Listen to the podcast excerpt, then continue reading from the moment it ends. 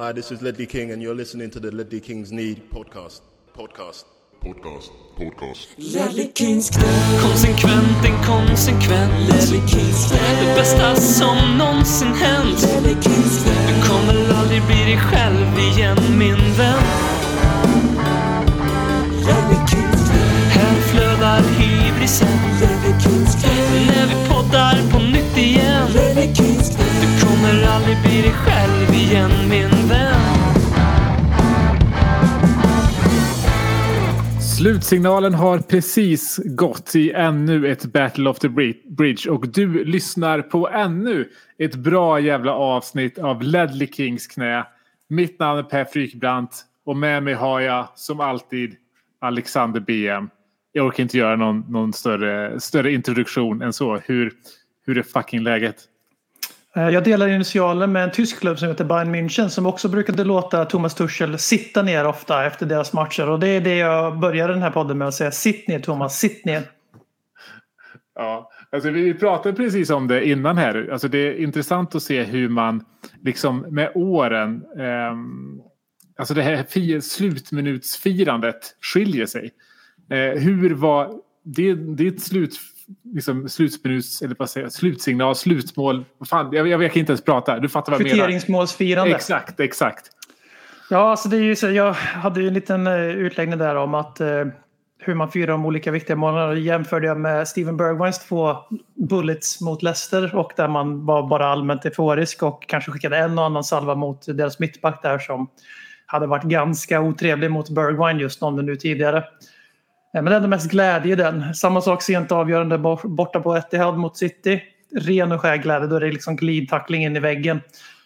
Eh, Men idag så är det liksom inte, jag skriker ju och låter högt och slår på mig själv så att jag, jag tror jag har en upper body injury nu. Men eh, det jag, första som lämnar min mun är ju så jag, och sen är det ju sitt ner och sen är det ju blip-ljud resten av det liksom.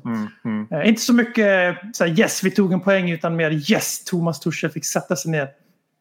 Ja, Alltså, alltså, jag, tänker, jag tänker exakt likadant. För det, är, eh, det här går inte alls att jämföra med, liksom, som du var inne på, Leicester City. Det är, det är någonting helt annat. Eh, och här var man inte ens... Alltså det var inte så mycket lycka, som du säger. Utan det var bara... Sätt dig ner, Thomas. Nu är sitter du verkligen- ner där. Det kan ju vara ärligt, man skiter ju nästan, alltså det är klart man inte skiter i det, det ska inte överdriva men det är ju många kan- procent man inte bryr sig om att vi tog en poäng utan det handlade ju Ja, ja. mycket mer om att han inte fick stå och vara kaxig på slutvisslan han hade vunnit den här matchen. Mm. Eh, utan det, så det var mer liksom så här, någon form av karma kändes det som. Ja. Nej, men det, det, det handlar verkligen inte om poängen i sådana här situationer. Den skiter jag fullständigt i. Eh, men vi hoppar väl rakt in i matchen nu tänker jag. Alltså, jag vet inte riktigt vart man ska, ska börja. För den här, den här matchen hade ju allt förutom ett bra Tottenham. Ja, verkligen. Eh, Första fem var liksom, det, det, det tycker jag, första fem, tio eh, tycker jag såg väldigt lovande ut. Det, vi fortsatte den här extremt intensiva pressen som vi såg i Southampton-matchen.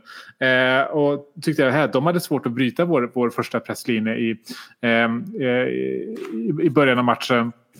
Men eh, som, eh, som alltid så visar ju Tuchel att han är en väldigt bra eh, matchcoach, matchcoach och eh, taktiker helt enkelt. Och gjorde ju samma som han gjorde i, mot oss i semifinalen i ligacupen eh, i fjol här och även eh, när de mötte Real Ehm, i, i, i Champions League. Alltså de kör en 3-4-3.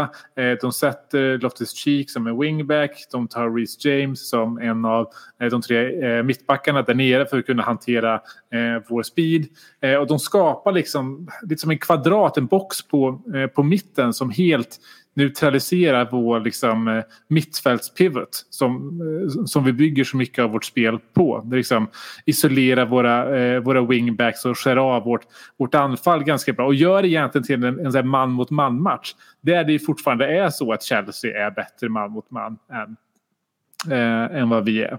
Eh, och här är det ju liksom eh, det är, ju 1-0 till Tuchel där. Att han gör det här igen och Antonio går på det igen. Jag var förvånad.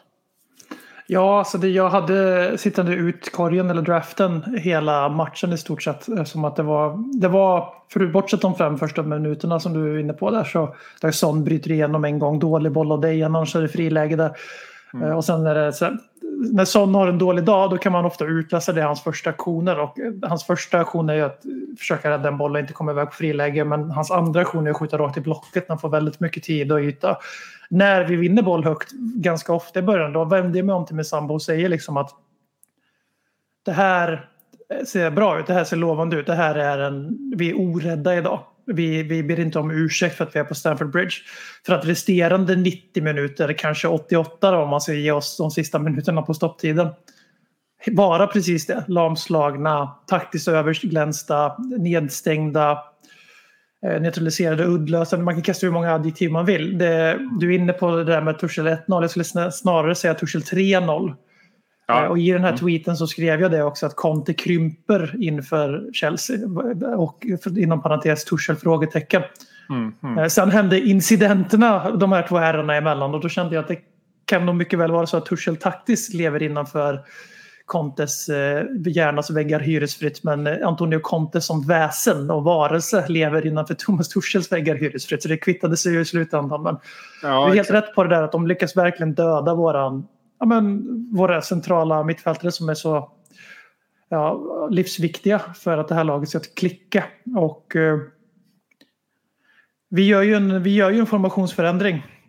Som då sades vara 4-4-2. Jag vet inte om jag riktigt håller med. Jag skulle hävda 4-2-3-1. Men Mm. eh, den är väl 4-4-2 på papper med två anfallare och så Dejan och eh, Perisic och allt vad det var som flyttade runt där. Men eh, den får ju egentligen inte effekt utan ja, vi, vi kvitterar matchen, Höjberg dunkar in 1-1 där eller placerar in väldigt fint och elegant. Eh, Men det är ju inte för att vi har gjort en taktisk förändring utan det är ju för att vi för en gångs skull vinner en boll högt. Och så är det ett riktigt jävla bra avslut. Och sen för de icke Spurs-lyssnande här så kan vi säga Åh ja, super, so, solklar offside på Richarlison. Hur vågar han stå 15 meter ifrån målvakten eller 8 meter ifrån målvakten och inte flytta sig så han kan se skottet? Åh, varför blev det inte rött kort och var och avstängning på Bentancourt för hans nästan tackling på Havertz? Åh nej, det borde inte blivit mål. Ja, alltså, det, alltså om allt i den sekvensen ska dömas korrekt så ska det inte vara mål. Det är Nej, klart som fan det är frispark. Men, men eh, det, det, är löjligt att tro att en sån grej ska, ett sånt mål ska dömas bort för det. Det, det hade ju han ju gå. Det är inte clear and obvious. Det är ju trots allt en bedömningsfråga, frisparkar i fotboll. Det är ju det, det är lite det som är grundläggande felet med VAR. Att det försöker användas på en bedömningssport. Där det inte finns svartvita bedömningar förutom offside. Och den vet vi alla att VAR inte har gjort tidigare. Vad som är offside och inte offside.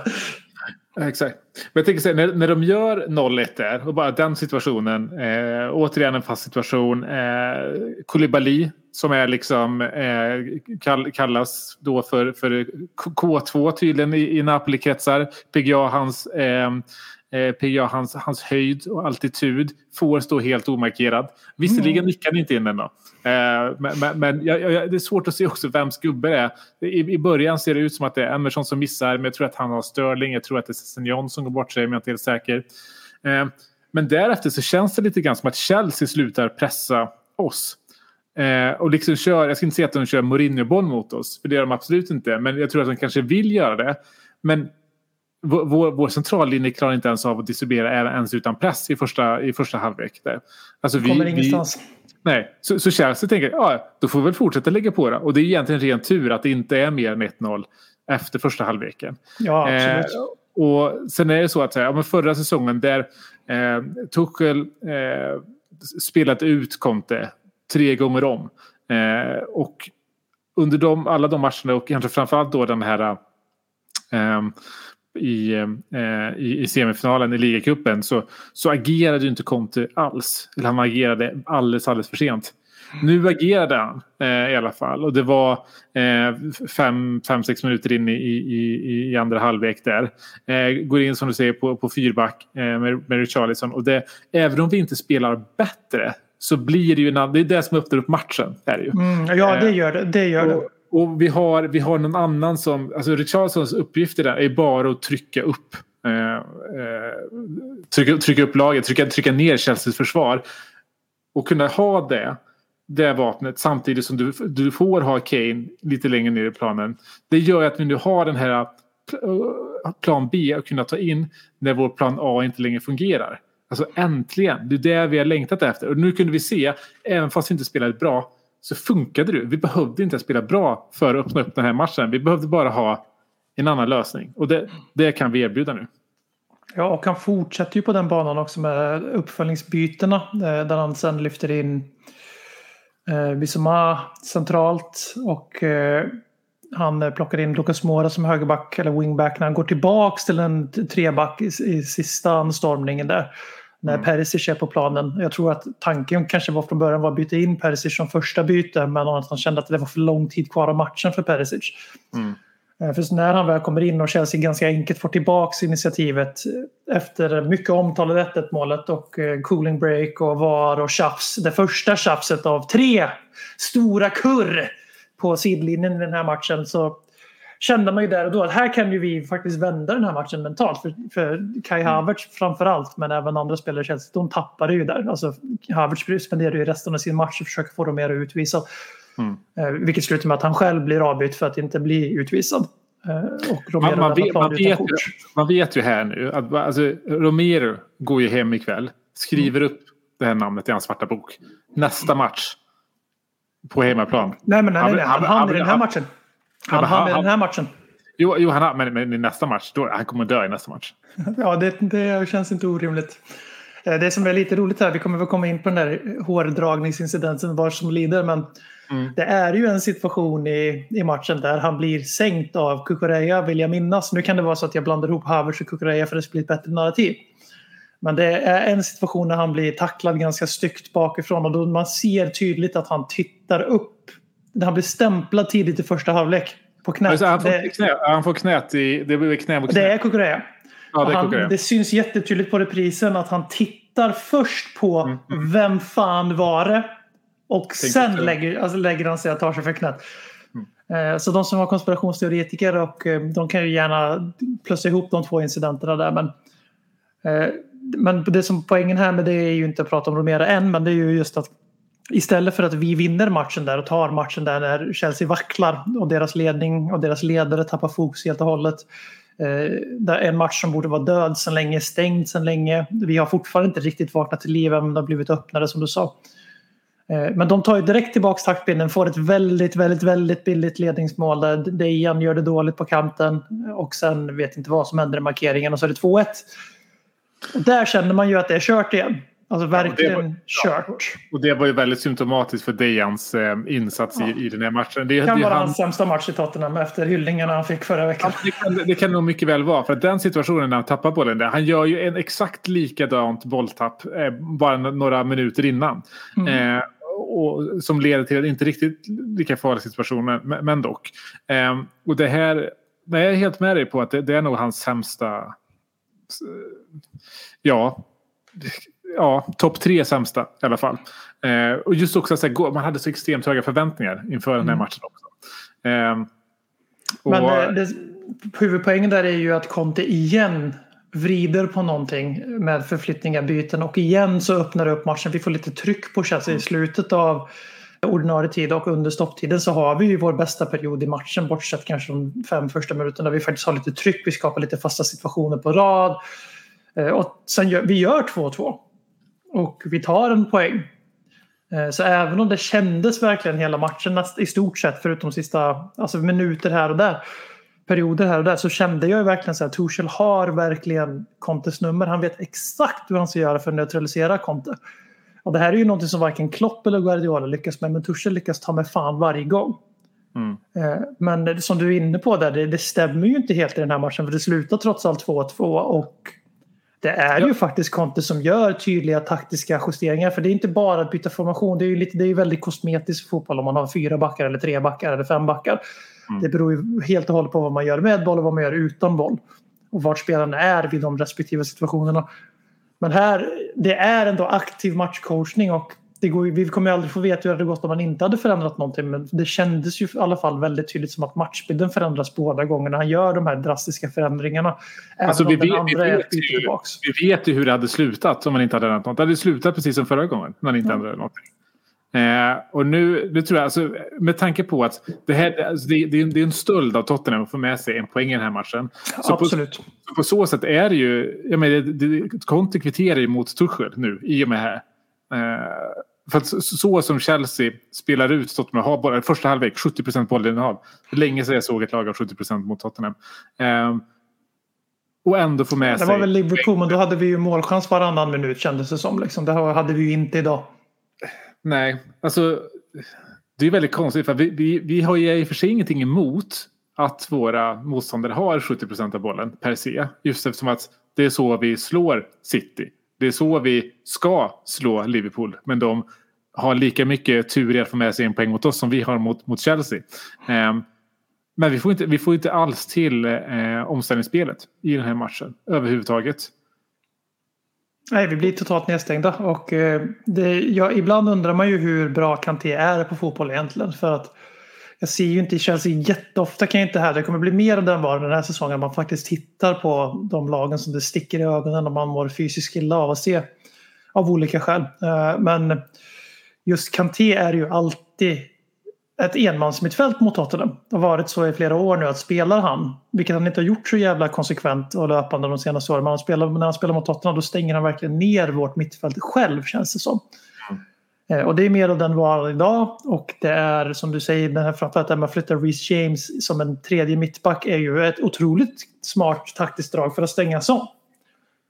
Eh, Och det är ju faktiskt sånt som, det är väl Reece James båda gångerna när sån är på väg igenom första fem minuterna som hinner ikapp första gången och blockar skottet andra gången. Så att det, det är ju liksom, mer kan du inte få ut av en sån rotation. Han gör också mål, Reece James, i den här matchen. Så att, eh, Ja, ja, alltså det är full, det är full pott på, liksom, ja, och, på, eh, på, på, den förändringen. Jag kan inte komma på på rak arm farliga målchanser vi har i den här matchen förutom Keynes när han skjuter utanför från ingenstans. För vi fick ju främst se en repris då på ett, i raden av halvlyckade Chelsea-anfall där och Raheem Sterling och hans fantastiska avslutsfot. Eh, Men då, missar ju, då bränner ju Kane ett väldigt bra läge. Det är den enda målchansen jag kommer på på rak arm förutom de två som hamnar i nätet bakom Mendy. Nej, men eh, precis. Alltså, det enda är ju då när vi, har, när vi gör 2-2. Där, där har vi ju tre bra hörner i hela den Mm. sekvensen. Eh, och det blir intressant. Det, det är kanske lite eh, symptomatiskt förhoppningsvis att vi, vi gör det här kvitteringsmålet på, på, på en fast situation. Nu när vi har vår, vår nya fasta situationscoach eh, inne. Tyvärr så eh, är det väl, kompenserar väl kanske det här eh, det insläppta 1-0 målet för, för det. Eh, men, men, jag tycker ändå att våra offensiva hörnor har tagit sig kanske lite kliv upp ändå. Ja, det är två mål nu på två matcher va? Även om Dyers är tekniskt sett på andra boll av en hörna. Men... Exakt. Men ändå. Jag, ge, jag ger ändå det. Ja, men det får man ju göra. Det, alltså, situationen uppstår ju på grund av en fast situation. Det är inte som att Dejan hade fått stå där och måtta hur som helst i vanliga fall. Ja, kanske mot Southampton i och för sig. Det, det, det är oklart. Det, det vet vi inte än i skrivande stund. De verkar inte vara jättevassa i år. Men, eh, så det här är ju... Man är lite tudelad för att det blir så känslosamt. Det blir så mycket känslor, det så mycket hat som kommer fram. Det är liksom det här primitiva supporterhjärtat som tar över logiska, rationella hjärnan. Eh, för att citera eller parafrasera Mikael Arteta och hans whiteboardtavla.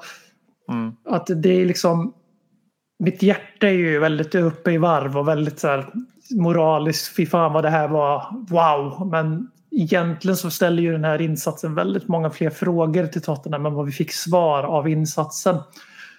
Eh, Det ska bli väldigt spännande att se hur vi sparar upp här mot Wolves utan Conte som vi kommer komma in på. Men just att vi har nu en väldigt dominant insats i Premier League och en insats i Premier League där vi har väldigt, väldigt, väldigt mycket tur.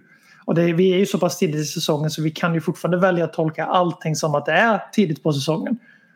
Eh, Men det som vi inte går att ta ifrån är att vi tar poäng på Stamford Bridge för första gången tror jag sen antingen, ja men det är Del Ali där när vi vinner med 2-0. Mm. Eh, Och det var väl en cupmatch, eller vad, jag kommer inte ihåg nu men Ja, det, Vi- var, det var ligan. Ja, ja, det kanske var. För vi har ju liksom inte ens gjort mål på Stamford Bridge de senaste sex mötena. Vi har varit usla mot dem hemma också.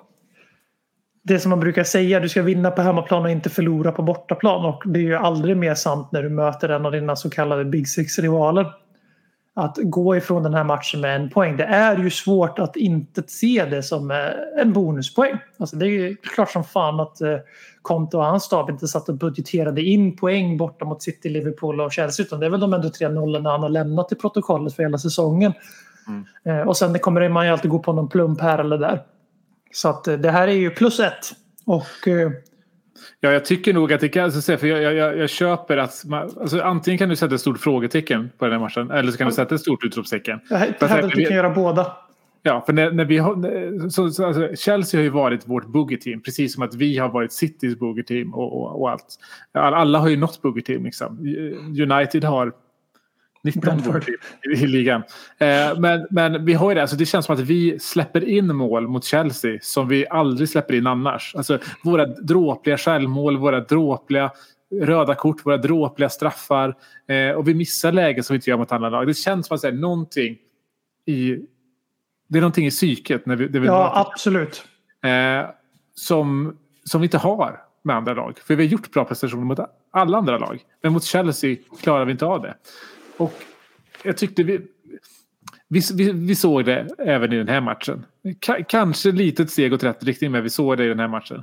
Och att då fortsätta prestera på det här sättet och ändå få med sig en poäng. Det är, det är ju det är ett klart steg framåt.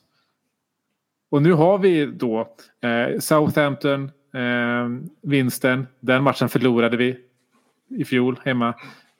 Chelsea borta. Där fick vi råpisk. Här tar vi en poäng. Alltså, varje match nu är ju ändå ett steg, ett steg framåt jämfört med, med i fjol. Ja, absolut. Och eh, igen, vi startar utan något av nyförvärven. Det var nog kanske sista gången den här säsongen. Men eh, vi gör det ändå. Eh, vi har en dag på jobbet där Kane fortsätter sin vana trogen. Han gjorde ju mål i augusti här för någon månad sedan. Han gör ju mål idag också. Men, eller något år sedan menar jag såklart. Någon månad. Eh, och- men han är ju jättesvag idag igen. Totalt neutraliserad av Koulibaly som i stort sett följer, följer honom över hela planen på alla luftpastejer och visar varför han kallas för K2. Eh, vi har Son som är riktigt svag, blir utbytt efter ganska tidigt i en match. och Bytt ut Son. Och enda, enda anledningen till att jag ens reagerar på att han blir utbytt är för att jag säger till min sambo i soffan att varför byter han inte ut Dejan istället? För att Dejan och Son har varit lika usla båda två. Och Son har ett mål i sig när som helst. Det har inte Dejan Kulusevski fortfarande men det kanske han visst har. Det är liksom, man, man, man, man svänger fort. Eh, men han tar beslutet att byta ut Son mot Richarlison och eh, vi tar ändå en poäng. Och då har vi precis rabblat av våran, liksom, våran eh, USP. Det som gör oss till någon form av semi-seriös utmanare. En, en säsong där allt går rätt för oss och det går väldigt mycket går fel för City och Pool. Då kan vi vinna Premier League. Det kan vi absolut inte göra om inte Son och Kane höjer sin nivå markant. Och att Dejan spelar mer som han gjorde mot Saints än, mer, än vad han gjorde mot Chelsea. Men vi tar ändå poäng mot Chelsea.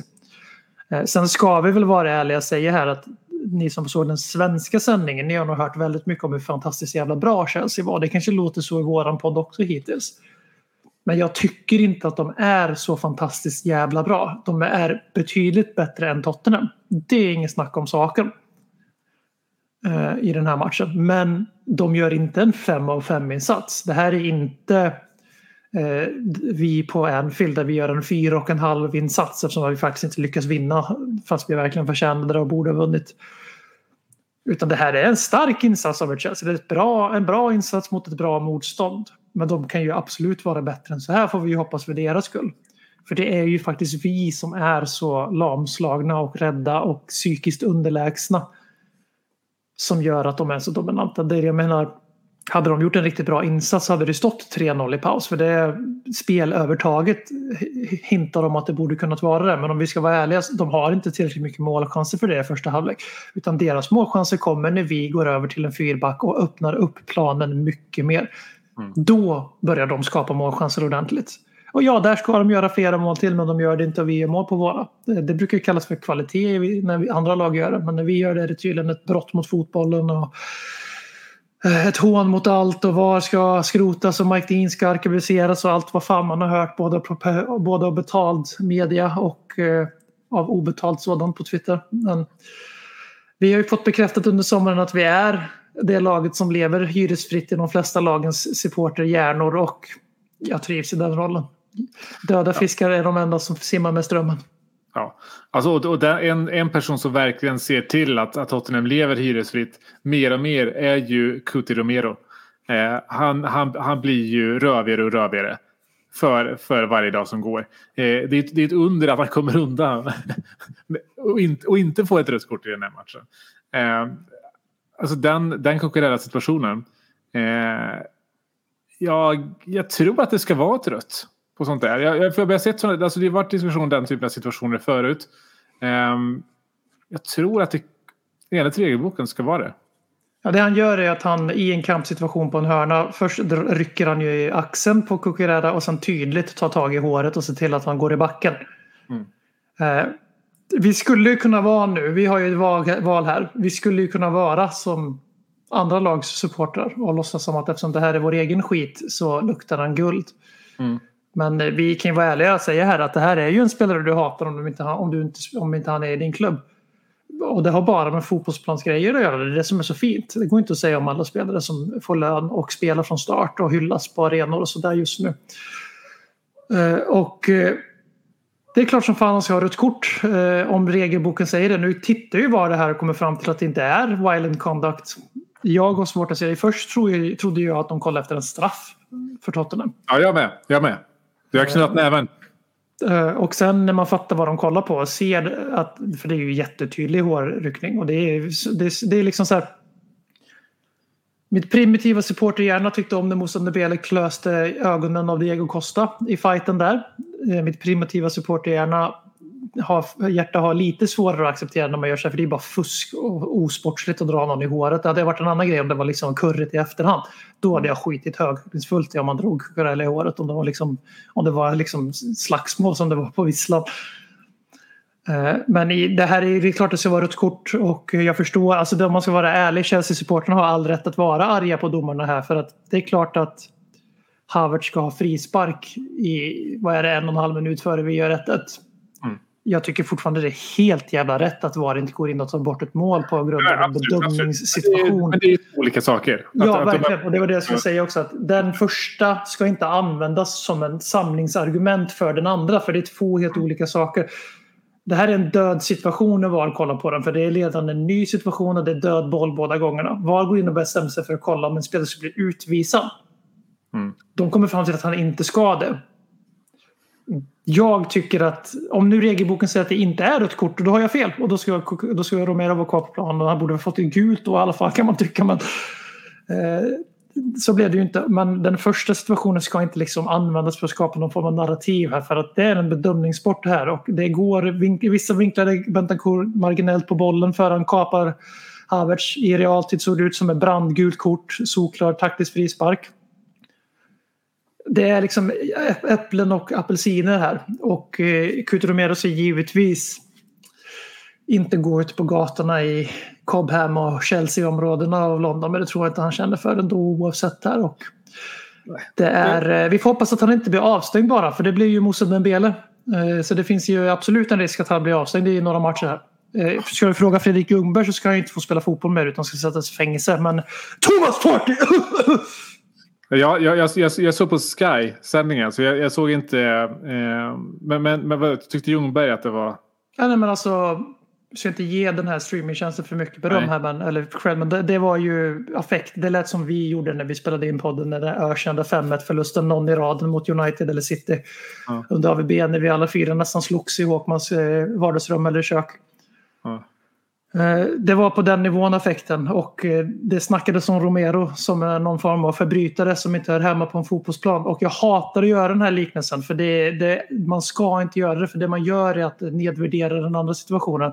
Men hur i helvete man sitter som ikon för en viss klubb som anlitar en viss spelare och pratar om hur vissa inte hör hemma på en fotbollsplan när man ens egen klubb anlitar och betalar och startar en spelare som är skäligen misstänkt för betydligt värre saker än att dra någon i håret på en fotbollsplan. Då ska man fan hålla käften efter ett tag.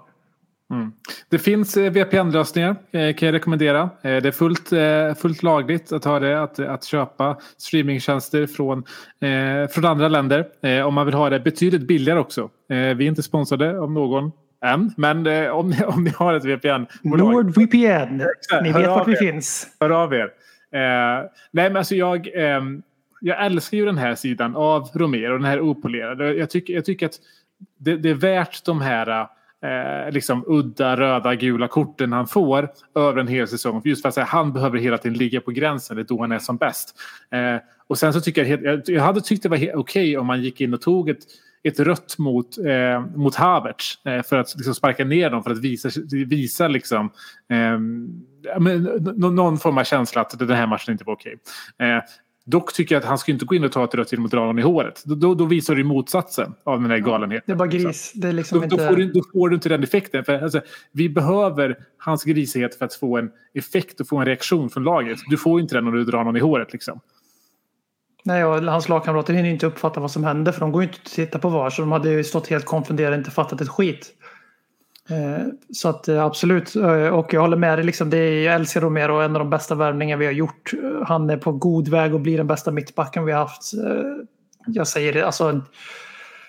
Om man ska vara helt ärlig så är väl inte Leddy King den bästa mittbacken vi har haft i min levnadstid som Tottenham-supporter egentligen. Jan Fertongen och Tobbe Alverell hade ganska bra toppar. Mm. Men jag fortsätter säga Leddy Kings till motsatsen bevisas. Och Romero är ju på väg på det spåret. Men han har ju den här råheten i sig. Och han är ju redan visat sig. Han fick rött kort i Contes första match men det är det enda han har fått. Mm.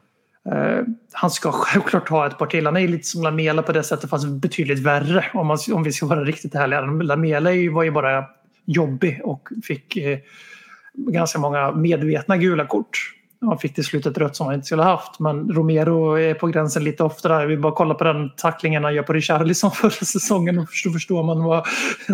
Det känns som att han har koll på den där galenheten. För jag kommer att säga, den känns kontrollerad, ja. Yes. Förra, förra säsongen, han hade då, det var ju sju matcher. Där han säger får du ett gult Exakt. så kommer du få en avstängning. Han fick inte ett enda gult idag. Så han har, han, han, han har den där kontrollen i sig som Lamela inte hade. Liksom. Nej, Lamela hade den definitivt inte.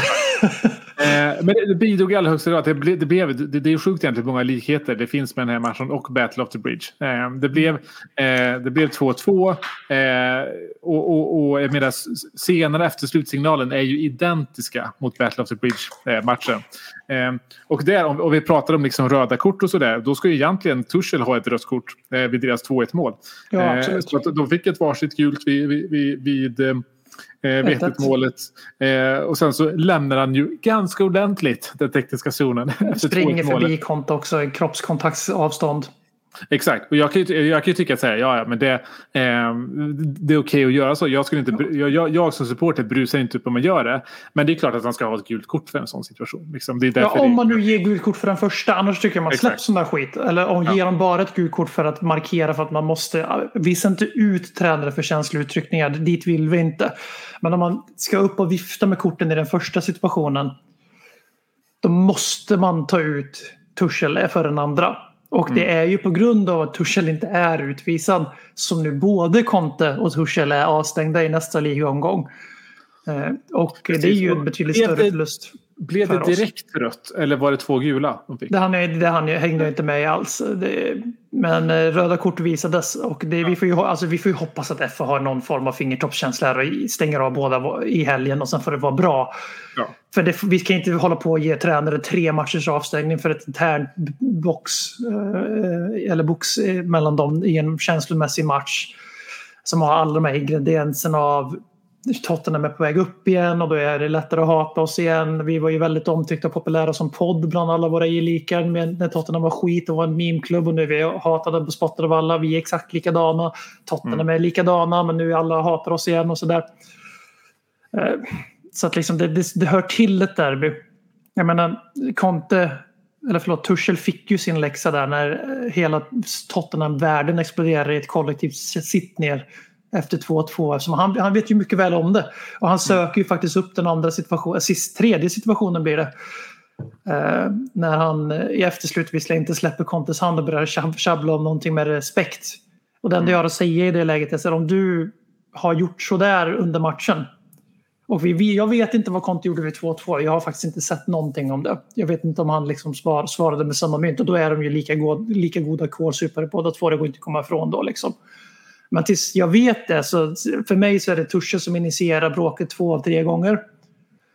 Eh, och att förvänta sig att, jag ska, alltså, att, du, att vi tog i hand, det räcker för respekt. För vi har inte respekt för varandra just nu. Vi hatar varandra just nu. Vi är vinnarskallar. Vi, den här matchen, vi är båda missnöjda. Jag är fårets i stunden. Sen kommer jag vara arg på bussen om jag är Conte.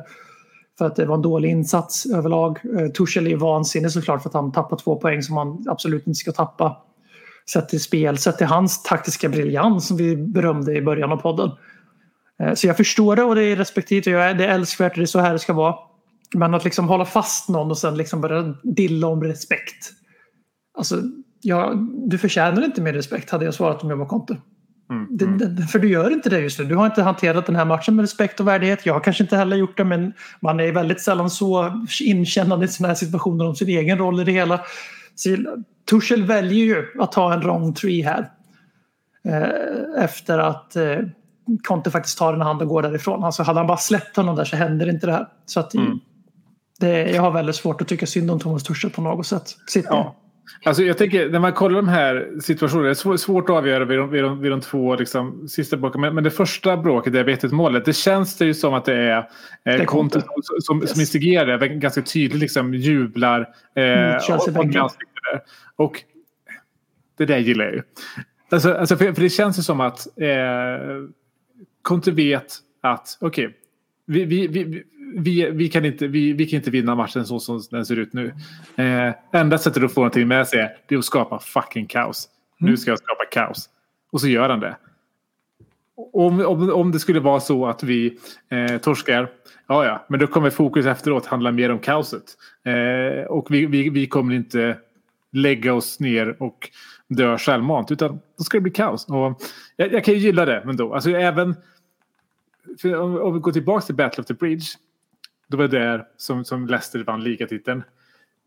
Det här liksom, bråket som var då gjorde ju att liksom, det här smärtan man kände för att inte vinna, kunna vinna en ligatitel längre. Den var ju lite mindre, för man var ju ganska stolt.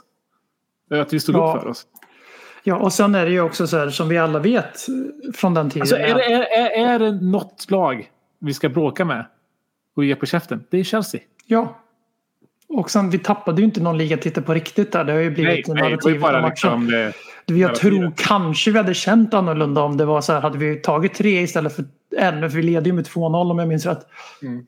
Så tar vi tre istället för en så vinner vi ligan. För det är sista omgången. Men det var ju inte sanningen. Men det har ju blivit narrativet. Och jag håller med dig helt att jag sjönk gladeligen med Pochettinos skepp. Jag tror det är liksom peak tilltro och optimism jag någonsin har känt för Tottenham i mitt liv den kvällen. För det var där vi tog liksom steget från pojkar till män om man ska hålla på och uttrycka sig karlar, grottmänniska. grr, grr. Ja, men lite så. Men det var lite så, vi coming of age. Vi hade inte varit med i sådana situationer förut, bla bla bla. Och sen så mycket riktigt så fortsatte vi vara sådär bra några år till. Eh, Vi nådde aldrig högst upp men vi, för vår Tottenham så gjorde vi, hade vi en riktig peak. Och eh, man fick sådana vibbar idag. Och det här var ju Contes Tottenhams sån här match. Alltså vi har inte, har inte varit i ja. närheten av en sån här match under hans första halvår drygt i klubben. Eh, Och eh, det är klart som fan att det här...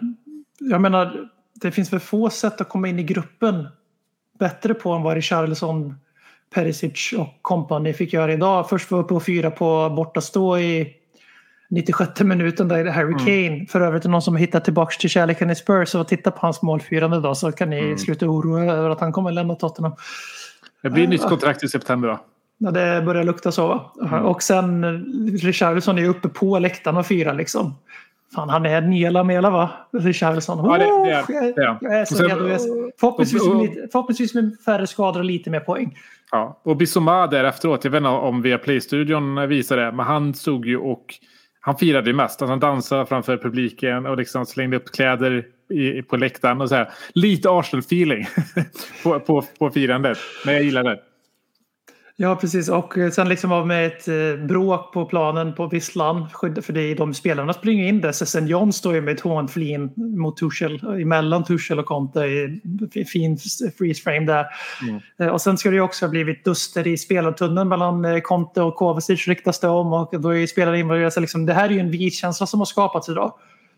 Eh, Och eh, krigsretorik är, krigsretorik är väl egentligen ganska problematisk att man normaliserar det genom fotbollspoddar och fotbollstugg. Men det är ju lite så det är. Alltså det vet ju vi som har sett eh, och för all del även spela fotboll på vilken nivå som helst. Så det är ju en väldigt stark vi mot dem-känsla. Det är ju en av problemen med den här giftiga maskuliniteten vi belyser i titt som tätt i den här podden. Att den miljön göder även den typen av uttryck. Men i den här, den här alltså dagen den 14 augusti i herrens år 2022. Den typen av vi mot dem-känsla tycker jag hör hemma i fotbollen. Och om det gör mig till grottmänniska då är jag grottmänniska. Mm. Nej, men jag, jag, jag, eh, eh, jag, håller, jag håller helt med. Alltså vi, det, eh, den här matchen är på något sätt det bästa som kunde hända ett ganska liksom, sömnigt Tottenham just nu. Det kändes som att vi behövde någon for, sån form av eh, väckarklocka eller liksom vändpunkt. För att det är ju också det även på, på planen nu. I och med att här, jag fattar att du inte kunde göra några byten inför den här matchen och föregående matchen. Det kan du inte göra. Nu har jag för- torskat med 4-1. Men hade vi fortsatt vinna så hade vi aldrig liksom börjat slå in på nya eh, nyförvärv. Och det kommer vi att göra nu inför Wolves-matchen är jag ju helt säker på. Eh, Yes. det känns ju som att det är Perisic och Bissoma som, som ska in väl nu. Jag, jag Och det kan också tycka att... Bentancur och Ja, mm. Jones på kostnad verkar det som. Precis. Eh, precis. Och det, för det kommer ju vara den eviga frågan. Vem, vem av Bentancur och, och Höjbjerg ska eh, Bissoma peta? Eh, nu blev det ju Bentancur i den här matchen. Jag tror att långsiktigt att det är Höjbjergs plats han ska ta. Eh, Jag sträcker mig så Men- långt som att säga att jag hoppas det. För Ja, Bentancurs det- lugn med bollen har inte Höjbjerg. Nej, och jag tyckte också i inledningen av matchen, det, det var Bentacur så bra som han var förra matchen också. Eh, och eh, var, han, han var ju i Southampton-matchen, han var ju nyckeln till vår omställningsspel. Korta i tvåor liksom. Eh, och det- han, han är den som är vår liksom, mittfältspivot. Eh, där gick ju Höjbjerg bort sig när han går ner i backlinjen och spelar lite så. Han, han har ju, Höjbjerg har lite Dyers roll under Pochettino. Där Dyer gick ner i försvaret och skulle distribuera bollar.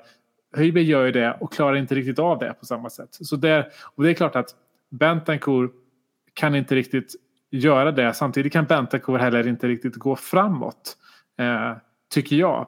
Eh, vilket är det som är... så Höjbjerg har ju utvecklat ett poängspel under Conte. Väldigt tydligt. Det här är väl Precis. tredje eller fjärde ligamålet sen Conte va? Ja, men exakt. Det- Tredje det- i alla fall. Ja, eh, och, det- och, och det vet vi inte om Bissoma har heller. Eftersom att i Brighton så var han ju sittande i en trea. Ja. Så han har ju heller inte varit uppe speciellt mycket. Så det, det, det, det, det, är svårt att veta. Det, det, känns ju som att det borde vara Höjbjergs position med tanke på att Bentan kunde bättre spela mer viktig för oss. Men det, det är...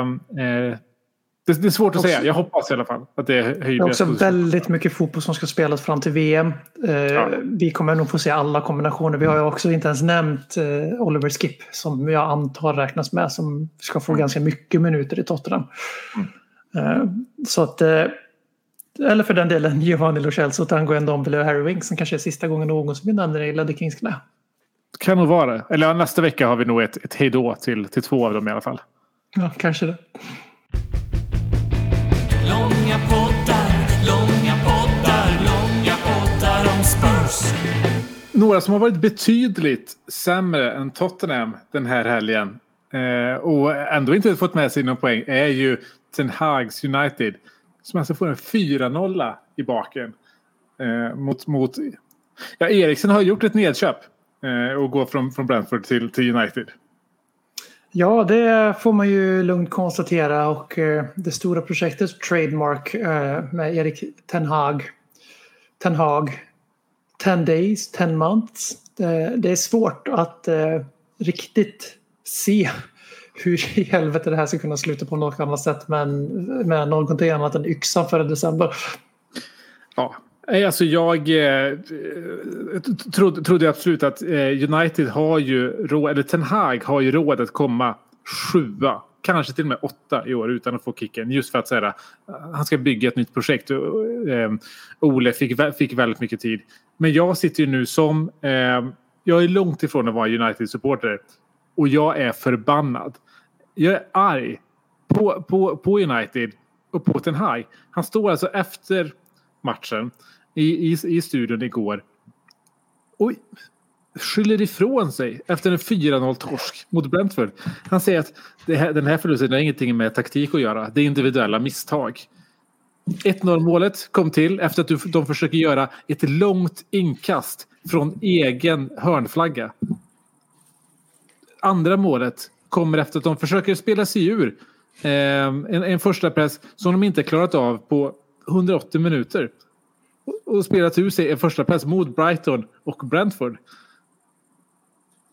Alltså 3-0 är väl... Eh, får se, vilken är, vilken är tre... Är inte det ganska fina kontringsmålet? Är det 4-0 det? Ja, det är det. Ja, det är så många så det går inte att hålla koll på. Men... Alla de grejerna är ju, det är ju taktik. Allt. Det där. Ja, det är klart det.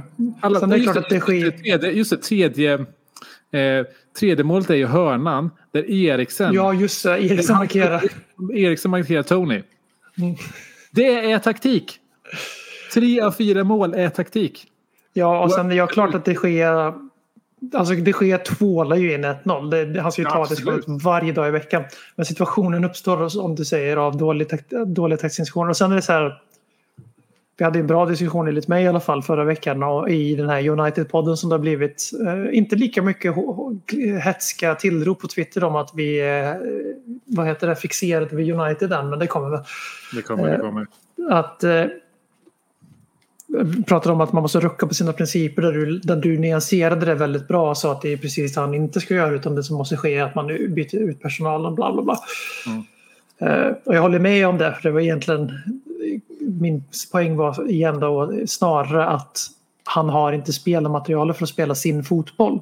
Och han behöver ge vissa spelare på grund av rykte och prestige och status inom trupperna bla bla bla eh, lite lina för han klipper huvudet på dem och går vidare till nästa fas. Och sen så måste han ju också få in fler spelare. Då. Rangnick sägs ju ha sagt att det behövdes tio nya spelare om United skulle vara på allvar och utmana Liverpool och City. Han verkar ju ha haft ganska rätt.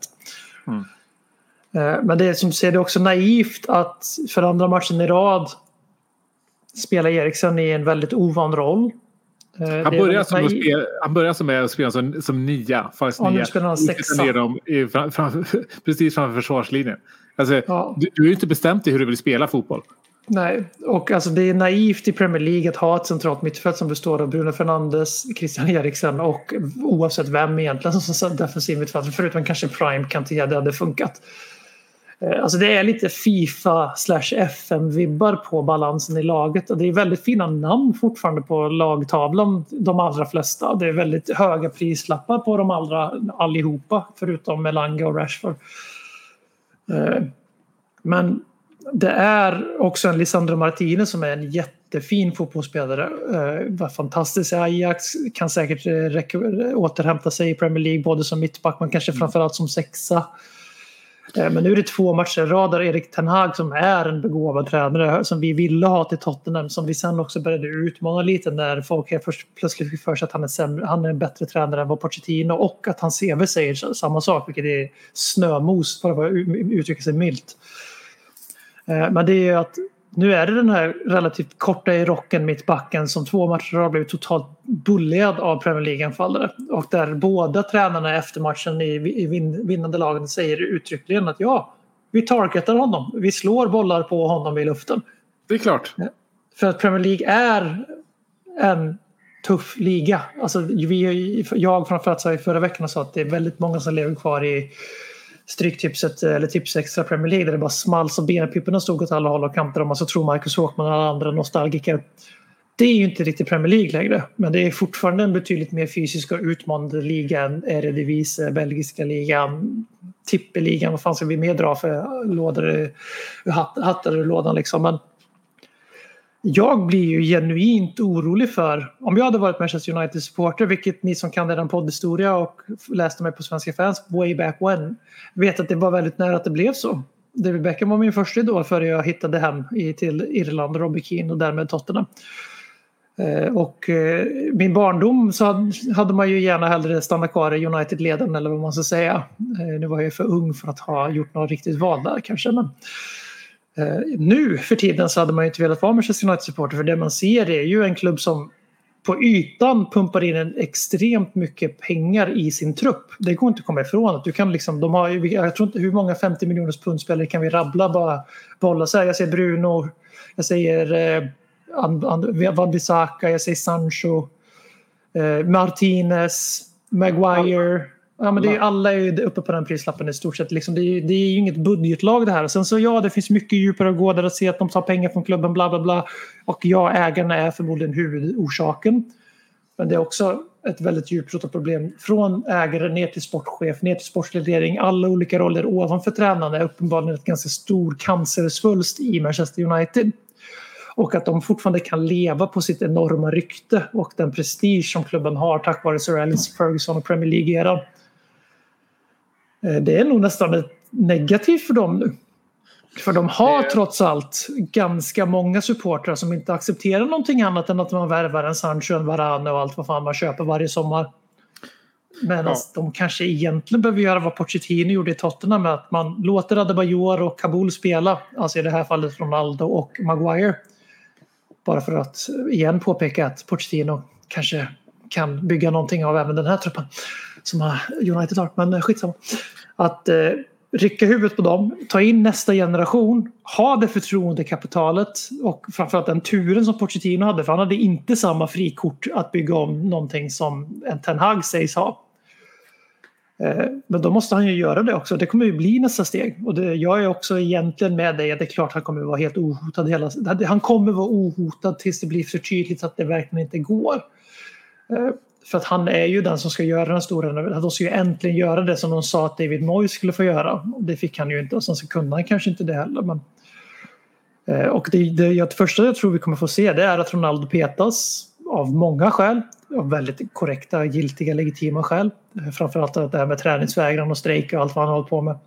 Sen kommer Maguire petas och sen så kommer laget sakta men säkert bli bättre. De kommer säkert plocka in någonting annat än Rabiot också. Liksom. Eh, men det här är ju en lång process. Jag tror Manchester United-supportrar och jag som faktiskt på riktigt trodde att Ten Hag kunde få det här att flyga ganska fort och att de skulle hota om en fjärde plats, tredje plats redan i år. Jag säger inte att de skulle vara med på riktigt, men kanske till omgång 30 i alla fall. Alltså vara med en stund, alltså de är legitima. De slutar sjua med en god magkänsla eller sexa med bra magkänsla. Liksom. Det känns som ett steg framåt. Men jag ser sådana varningssignaler både hur det faktiskt ser ut på planen men också i Ten Hag.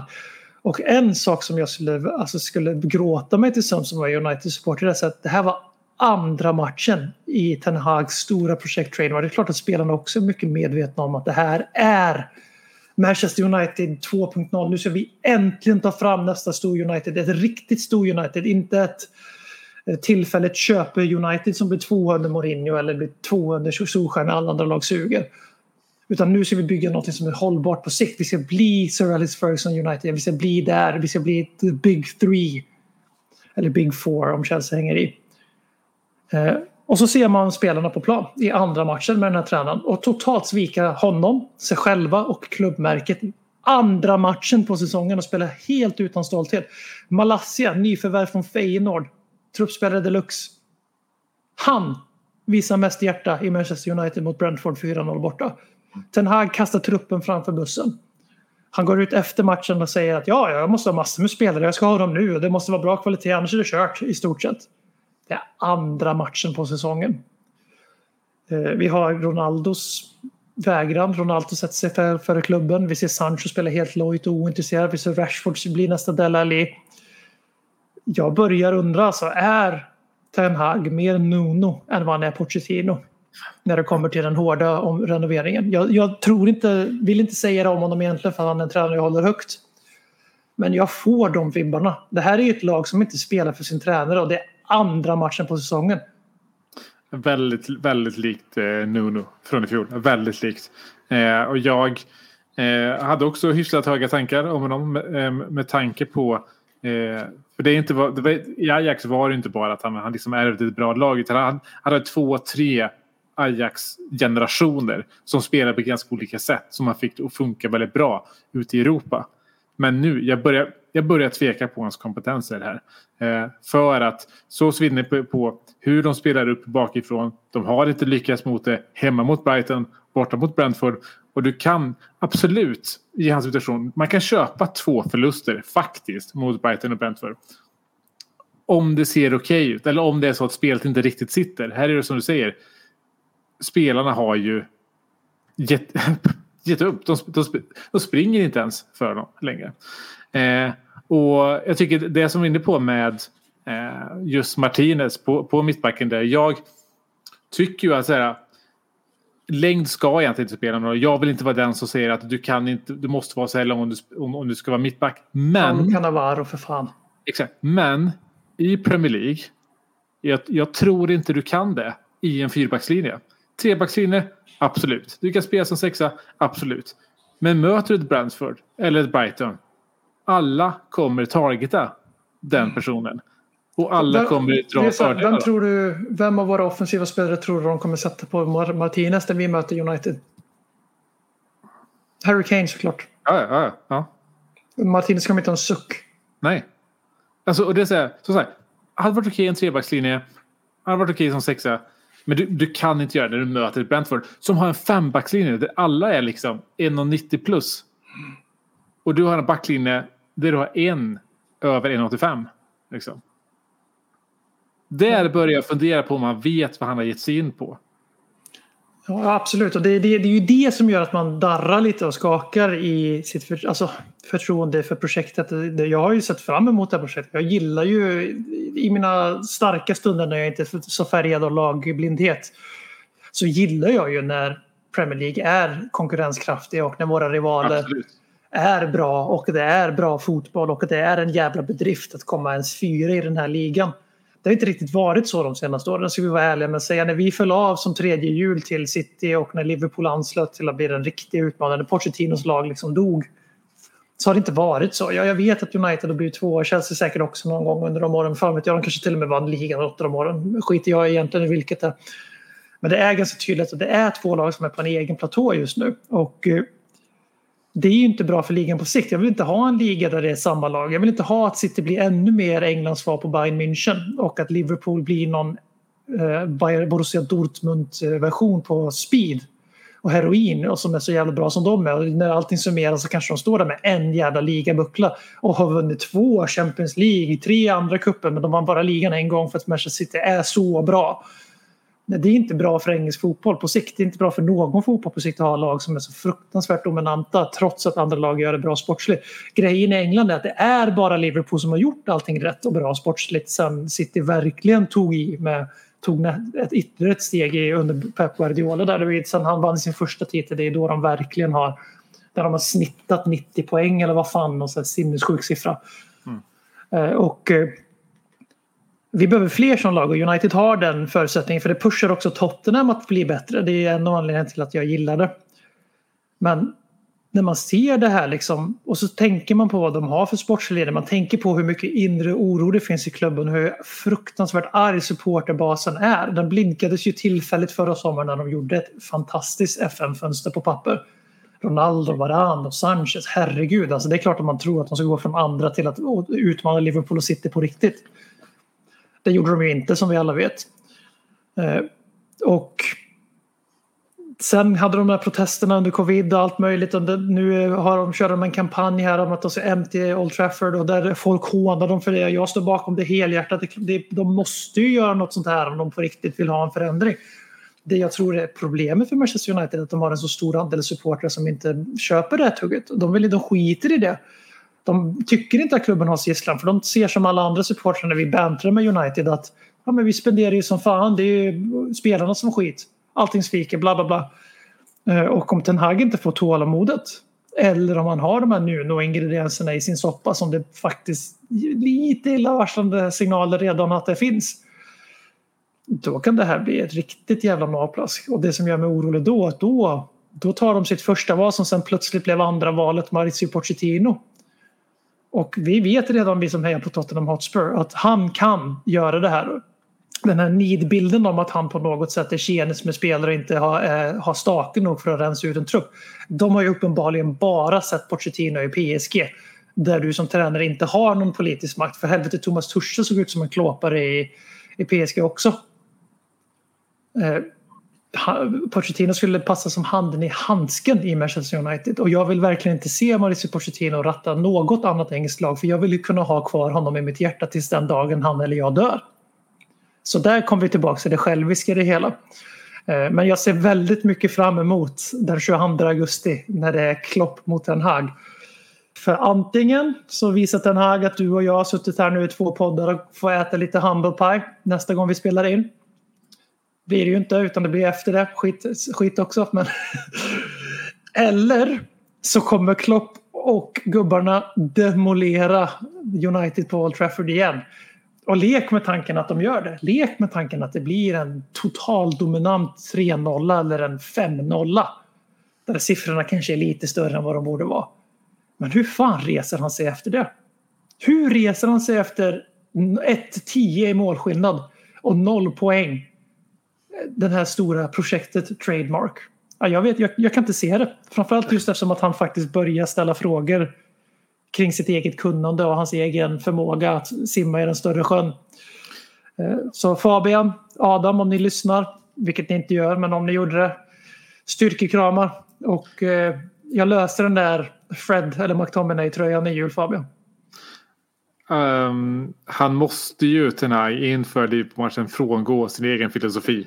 Han måste bara försöka rädda vad som räddas kan. Se till att det inte blir en pinsam förlust. Det måste han göra. Han måste överge alla sina principer. För du ja, kan inte alltså... spela så här. Försöka göra det här som han har gjort i 180 mot, minuter nu. Mot Nunes, Salah och, eh, och eh, Diaz. Alltså det, det kommer bli slakt om de spelar på det. Du har helt rätt i det. Helt ja, rätt. Då, då, kommer det bli som, då kommer det bli som för förra Ajax-tränaren som tog över en Premier League-klubb. Eh, Frank de Boer. Hur många matcher klarade han? Fyra. Nej, han, han fick sparken efter tre va? Nej, jag tror det var fyra. Okay, jag, för jag, jag har för mig jag läste någon tweet om att kommer Ten Hag klara sig till fyra matcher åtminstone. Ja. Men, det men, är... men jag, alltså jag tror... Jag är faktiskt lite, jag är United-supporter i det här. Alltså ut, ut, utöver alltså i Big Six, eh, självklart utöver Tottenham, så är det United som man har någon form av känsla för. Eller som man i alla fall in, inte tycker illa om.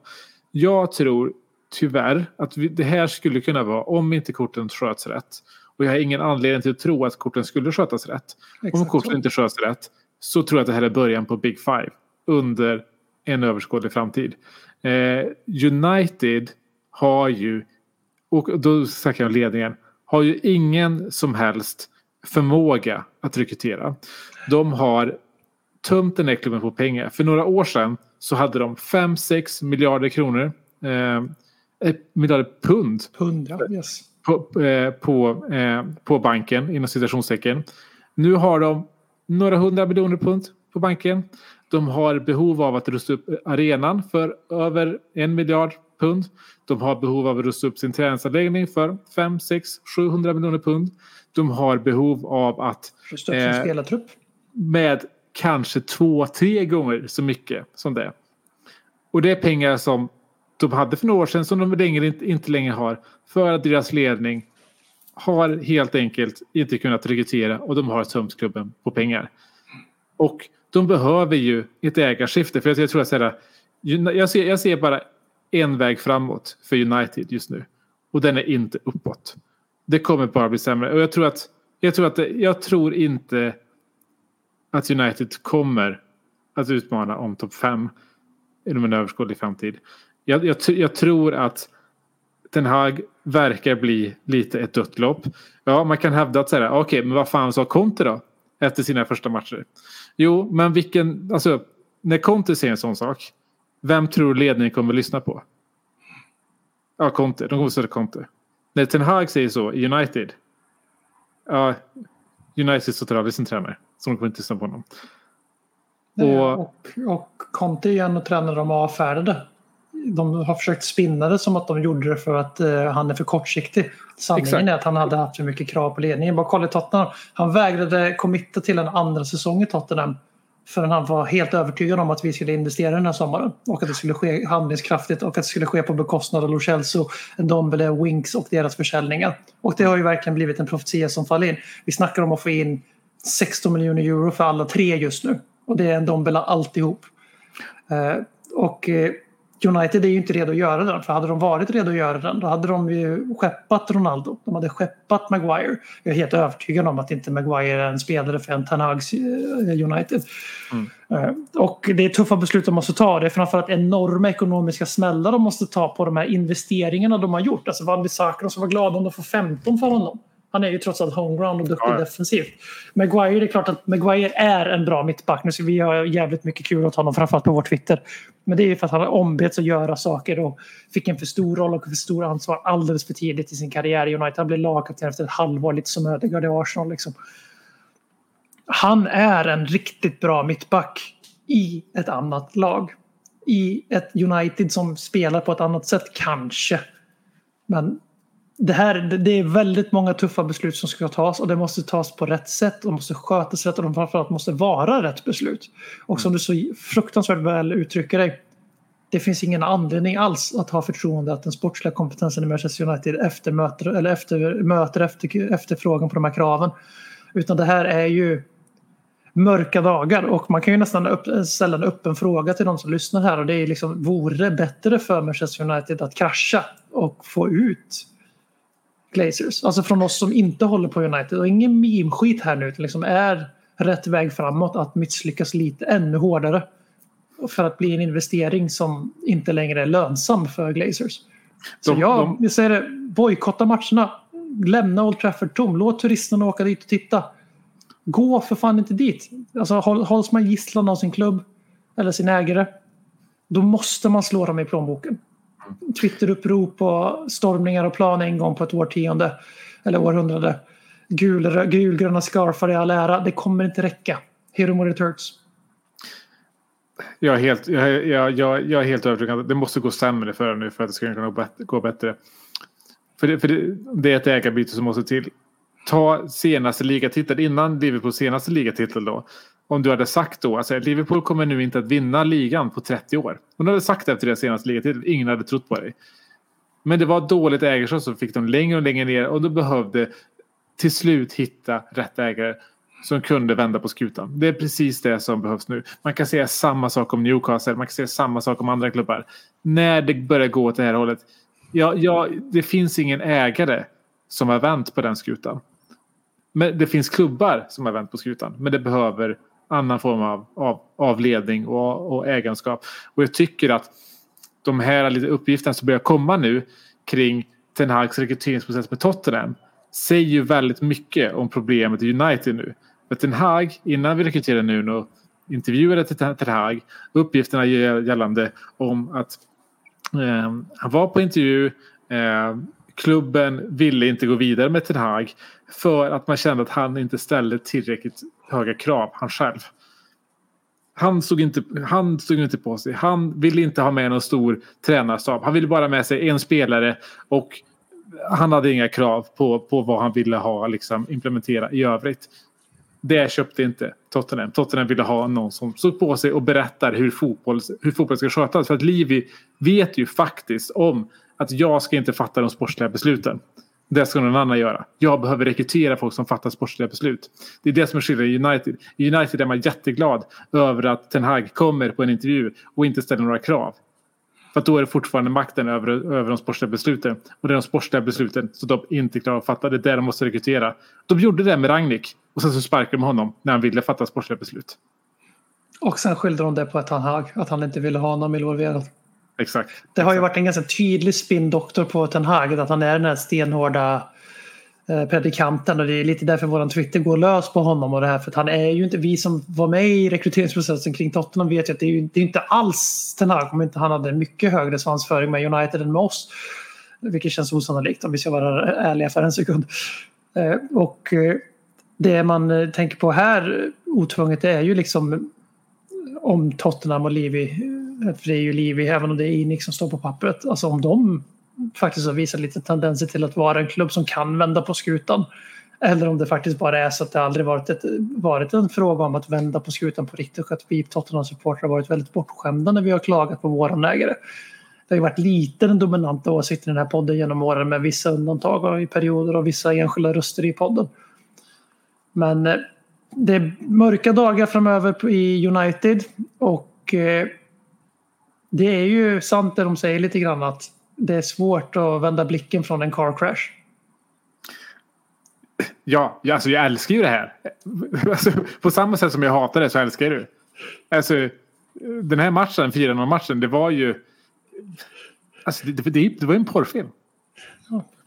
Det var ju det. Det, det var nästan roligare än dagens match. Nästan. De var Ja, ja, nästan. verkligen. verkligen. Ehm, nej, men det... um, ja, man kan inte sluta titta. Eh, det kan man inte göra med All or Nothing heller. Den fortsätter man titta. Jag menar, har du kollat på de tre nya avsnitten? Jag nåddes av eh, rapporter om att eh, de inte nämner covid-uppskjutandet och därmed tappade jag allt hopp. Allt. Mm. Och jag nådde, jag därmed tappade allt hopp om att de skulle göra någonting annat än en Hollywood dun, dun, dun, sista matchen har blivit förnedrade av oss och tappar Champions League-platsen de hade i egna händer hela våren. Så Eh, jag tappade lite suget men jag kommer givetvis att avnjuta den här och jag kommer framförallt titta på avsnitten som är Tottenham eh, involverade oavsett men det är lite för tillrättalagt, det är lite för pajigt och det är lite för Alltså det är pajigt men inte tillräckligt pajigt. Det, det ger mig tyvärr ingenting. Jag hade stora förhoppningar om att jag skulle ha genuin nöje av att se den här men det finns bara så mycket sympati jag kan utveckla för Bukayo Saka och eh, eh, Ramsdale faktiskt. Före jag börjar känna att, och Kieran Tierney också, eh, före jag börjar känna att vad är det här för någonting liksom? Det här är ju Eh, tyvärr inte så konstigt. Det är ett miljardvarumärke vi pratar om. Men man hade hoppats på lite mindre, trans, lite mindre genomskinlig icke-transparens. När vi pratar om att liksom låtsas som att det regnar kring de här två vändpunkterna i deras säsong som båda har med deras värsta rival att göra. När hela andra avsnittet handlar om att de slog oss i första North London Derby. Come on bra, be better. Ja, nej men alltså det... Alltså, de, de kan ju inte ignorera Alltså sen när matchen väl blir av i den här serien. Eh, jag, jag följer det här slaviskt. Eh, och jag, jag håller helt med. Det är ju liksom, det är Saka och Ramsdale runkeri. Och de försöker ju vara lite transparenta genom att visa upp Aubameyang liksom, situationen. Men det är någonting som verkligen inte stämmer i den. De visar inte, visar inte upp hela bilden. För det de visar upp är att här, de bygger två, två avsnitt kring det. Och det, det man får veta är att ja, han, han var och besökte sin sjuka mamma. Eh, och eh, var se, en dag sen tillbaka. Och nu ska han ut till klubben. Det är någonting som de uppenbarligen Ja. utelämnar ur den situationen. Och får Eh, Aubameyang komma till tals ef- efter någonting då? För han var ju med i hos sin barberare. Det var han ju med. Det är det enda han har liksom varit en talking head i hela serien. Och det, jag har sett de första tre i alla fall. Ja, nej, han får inte komma till tals alls i det här. Det fick ju Eh. Danny Rose göra till om vi ska jämföra med våran. Ja, men exakt, jag tänkte ko- komma till det, för det, och det pratade vi om förra veckan också. Att säga, med Tottenham, där fick man ju faktiskt lite mer insyn. Man fick se samtalen mellan då eh, Mourinho och, och, eh, eh, och spelarna. Ganska anförtroliga samtal. Det får man inte alls där. Eh, så det är synd. Men det, det är tre avsnitt kvar tror jag. Så jag har lite förhoppningar dock. I alla fall på eh, det här sista, sista Ja, sista avsnittet kommer man ju kolla på såklart. För där, vinner vi, där krossar vi dem och sen så snubblar de till en gång till och så är det Champions League i norra London istället för i deras hemtrakter, hemtrakter där borta i Woolwich. Så att det, det kommer man ju avnjuta med kanske ett glas finare vitt vin från Puglia. Ja, det, det är ännu en bilkrasch att eh, få, få beskåda. Eh, den enda bilkraschen den enda bilkraschen, den som inte är en bilkrasch nu är ju faktiskt Tottenham som tyvärr inte leder ligan länge men vi är ändå topp fyra eh, och det är ju eh, det, det, är vi, det är vi ju glada för. Eh, men det är där vi hör hemma och nästa, jag tror nog att nästa gång vi spelar in då är vi nog tillbaka i, i likaledning ligaledning igen. Men vi säger väl så så länge och så hörs vi igen nästa vecka som ligaledare. Ciao! Konsekvent, inkonsekvent det bästa som någonsin hänt Du kommer aldrig bli dig själv igen min vän. Här flödar hybrisen. När vi poddar på nytt igen. Du kommer aldrig bli dig själv igen min